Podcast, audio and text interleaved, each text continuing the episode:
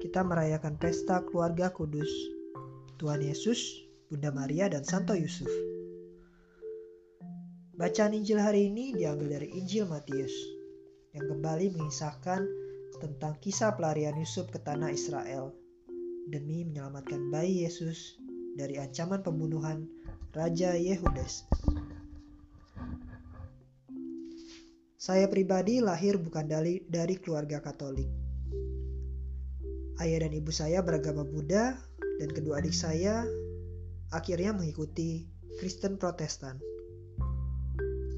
Singkat cerita, saya dibaptis secara Katolik di usia 17 tahun, alias baptis dewasa. Namun saya tetap belajar dari keluarga kudus Nasaret bagaimana untuk menggenapi panggilan Tuhan. Saya percaya bahwa keberagaman dalam keluarga saya merupakan rencana Tuhan bagi saya untuk belajar saling menghargai antara satu kepercayaan dengan kepercayaan lainnya. Memang ada kerinduan dari diri saya pribadi, khususnya ketika melihat keluarga lain yang masih pergi bersama-sama ke gereja setiap hari Minggu. Tapi saya pun bersyukur karena meski kami berbeda-beda, hubungan antara kami tetap rukun seperti semboyan negara kita. Bineka Tunggal Ika.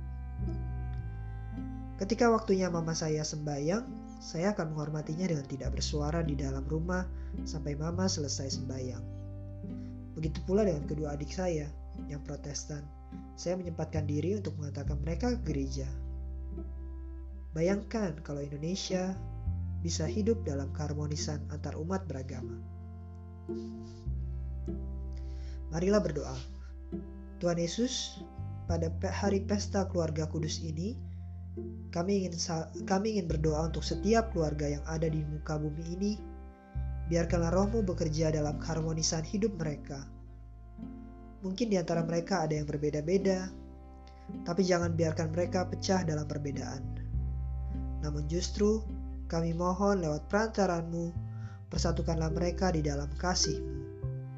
Biarlah kami belajar dari teladan Santo Yusuf, Bunda Maria dan Tuhan Yesus untuk menjadi sumber sukacita dalam kehidupan berkeluarga. Tak lupa kami juga berdoa untuk keluarga yang terpecah belah karena perbedaan, perang, dan hal lainnya, agar engkau tetap menyertai mereka di mana pun mereka berada. Dan jika engkau berkenan, persatukan mereka kembali dalam hidup yang baru, yang saling mengasihi satu sama lain seperti yang engkau ajarkan kepada kami. Di dalam namamu yang maha besar, kami yakin dan percaya kuasamu terlebih besar. Amin. thank you